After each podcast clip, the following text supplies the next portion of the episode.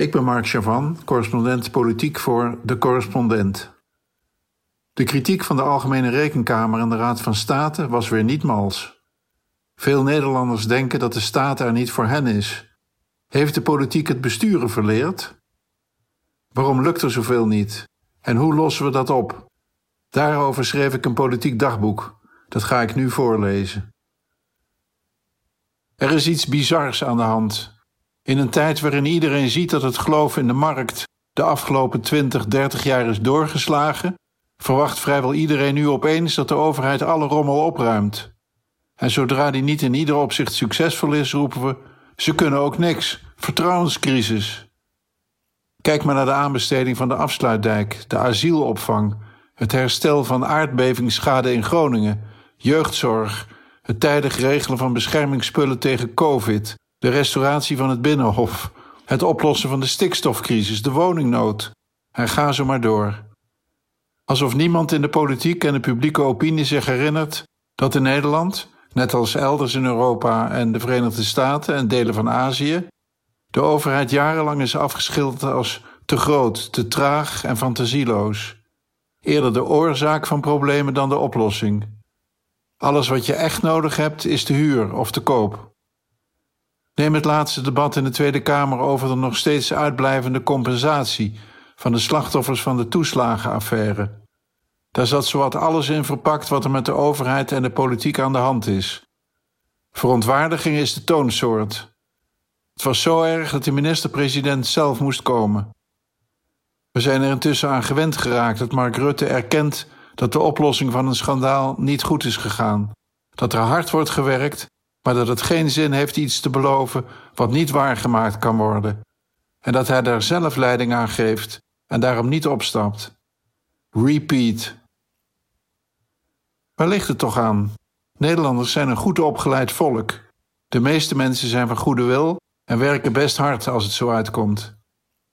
Iedereen is meestal boos of verontrust het lijkt wel of de overheid niets meer kan en of de politiek vergeefs zijn best doet of alles nog erger maakt. Klopt. Maar het is wel zo nuttig om af en toe even terug te spoelen en de context erbij te halen. Bijvoorbeeld van de jongste toeslagenteleurstelling. In licht chronologische volgorde spelen de volgende factoren.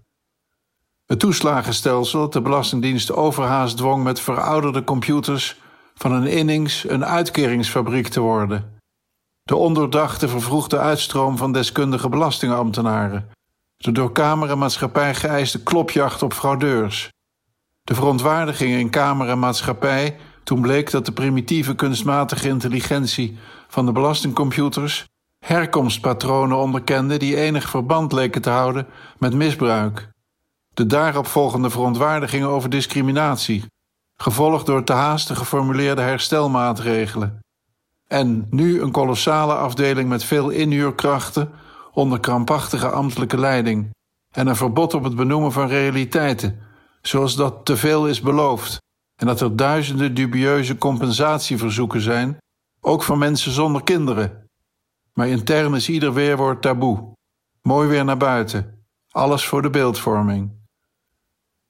Kortom, het zich voortslepende toeslagendrama is een optelsom van overspannen verwachtingen van de capaciteiten en de wendbaarheid van de Rijksoverheid en de heigerigheid van media, politiek en publieke opinie.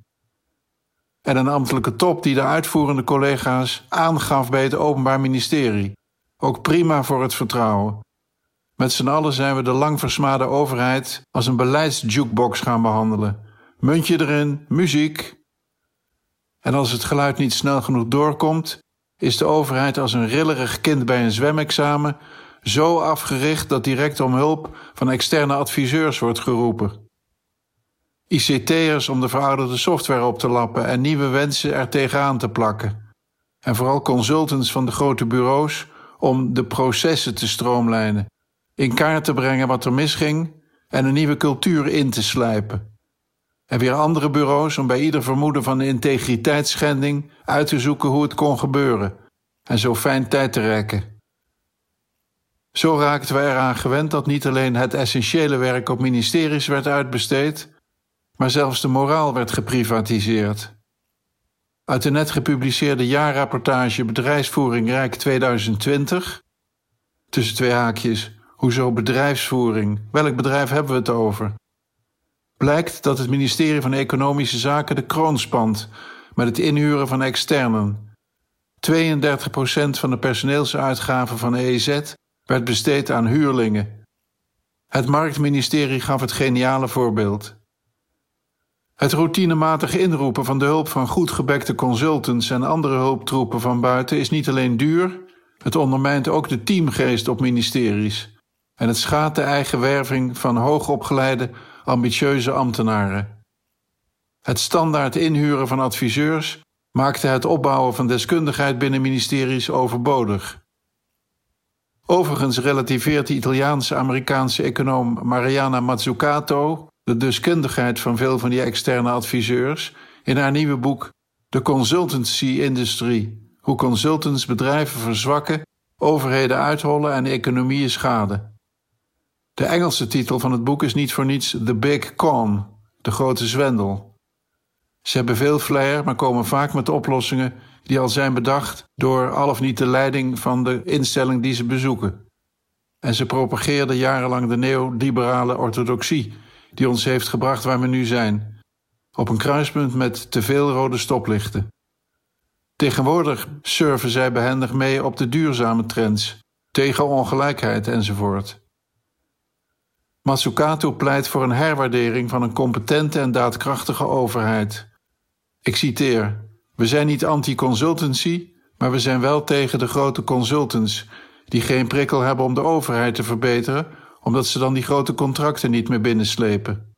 Het zijn therapeuten die hun patiënten het liefst hun hele leven in therapie houden. Einde citaat. De leer van het New Public Management, die in de jaren 80 en 90 van de vorige eeuw overwaaide uit de Angelsaksische academische wereld, wilde de overheid efficiënter, effectiever en slanker maken door de uitvoering van beleid waar mogelijk over te laten aan de markt of aan agentschappen en andere op afstand geplaatste overheidsdiensten.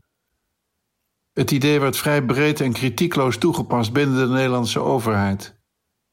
Voor infrastructurele werken en energievoorziening maar ook voor sociale taken die vroeger werden vervuld door het maatschappelijk middenveld en na het verschrompelen daarvan door de overheid.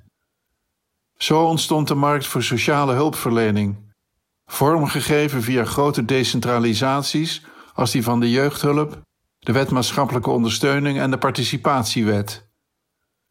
Deze ingrepen lieten ruimte voor uiteenlopende marktpartijen van zeer verschillend allooi en deskundigheid bij verantwoordelijke overheden ontbrak vaak de deskundigheid om goede aanbestedingen uit te schrijven, zodat de laagste prijs het dominante criterium werd.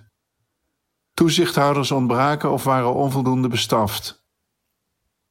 Het resultaat was een gebrek aan continuïteit en sterk toegenomen onzekerheid voor veel mensen die juist afhankelijk zijn van dit soort dienstverlening. Het zijn dat soort ervaringen in de persoonlijke levenssfeer die waarschijnlijk minstens zo zwaar tellen bij het afnemen van vertrouwen in de overheid als de publieke missers en affaires van de Rijksoverheid.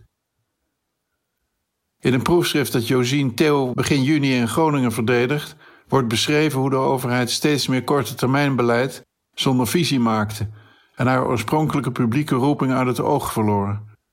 Zo luidde de invoering van de individuele huursubsidie het begin van het einde in van de Rijksverantwoordelijkheid voor de volkshuisvesting. De integratie om doelmatigheidsredenen van kruiswerk en gezinszorg mondde uit in een opeenstapeling van ad hoc beleid in de thuiszorg, met als resultaat steeds meer zinloze bureaucratie. Het soort managementdenken dat de laatste dertig jaar de overheid heeft uitgehold en van haar zelfvertrouwen en een helder doel heeft beroofd, is ontarmd door de besturende politieke partijen. Iedereen werd pragmatisch. De partijen met de ambitie om te besturen blonken meer uit in oplossingen dan in probleemanalyses en de heldere formulering van ideeën over de gewenste samenleving.